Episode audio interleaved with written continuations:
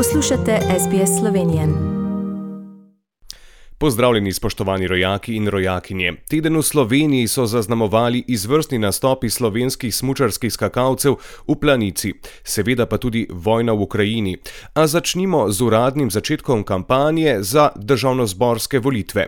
Neuradna kampanja zelo intenzivno poteka že kar nekaj časa in je zelo ostra. Kandidature za državno-zborske volitve, ki bodo 24. aprila, je vložilo 20 strank in list.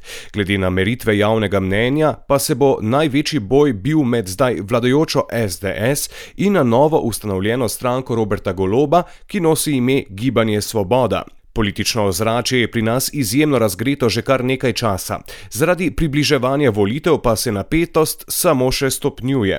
Raven javne debate je na izjemno nizkem nivoju, morda na zgodovinsko nizkem. Vrstijo se politične diskreditacije, politični akteri pa ne izbirajo sredstev. Samo upamo lahko, da se v slovensko politiko čim prej vrne nekaj džentlmenstva in sodelovalnosti. Slovenska vlada se zelo aktivno vključuje v diplomatske aktivnosti v podporo Ukrajini. Potem, ko je v Kijev pred časom kot eden redkih voditeljev prišel premijer Janša, je v nedeljo v ukrajinsko glavno mesto prispel še začasni odpravnik poslov Boštjan Lesjak.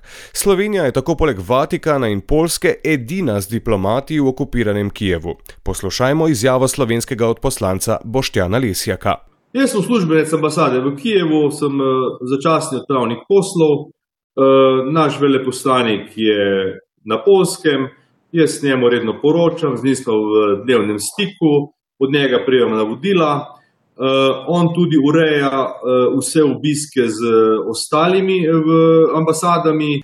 Potem, ko je Lesjak prispel v Kijev in izobesil slovensko zastavo, pa se je zgodil neprijeten incident. Mi, ko smo prišli v Kijev, je bilo kar vetrovno in ko smo s ponosom dvignili nazaj slovensko zastavo in evropsko zastavo, so lepo plapolale v vetru.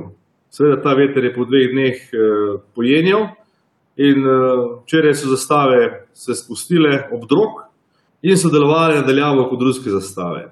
Tako je zjutraj so prišli do mene pripadniki, pripadniki nacionalne garde, kasneje še policije, zelo vljudni, eh, zelo spoštujejo, kaj smo naredili, da smo se vrnili nazaj da smo dali upanje Ukrajini in so prosili, če bi lahko začasno slovensko zastavo sneli, ker je preveč podobna ruski.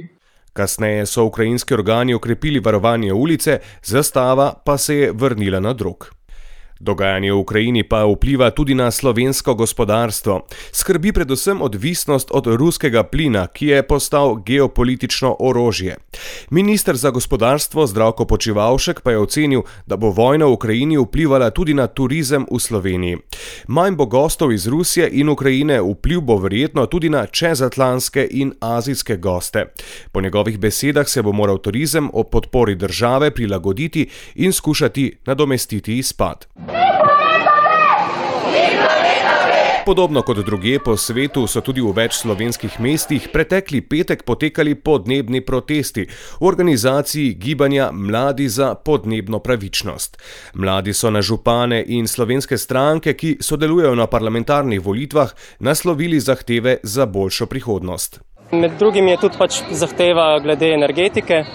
Um, tu predvsem zahtevamo, da se zmanjša uh, poraba energije in pa tista energija, ki bomo vsem potrebovali, da se nadomesti z nizkoogličnimi viri. Zaradi izjemne suše v marcu pa je bila v Sloveniji zadnje tedne velika požarna nevarnost.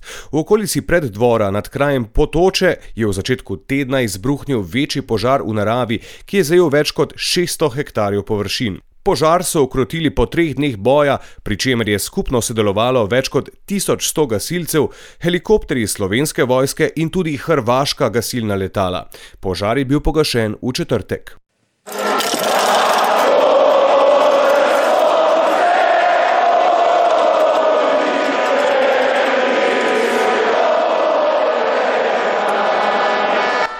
Enkratnem vremenu je pretekli vikend minil največji športni praznik v Sloveniji - planiški poleti.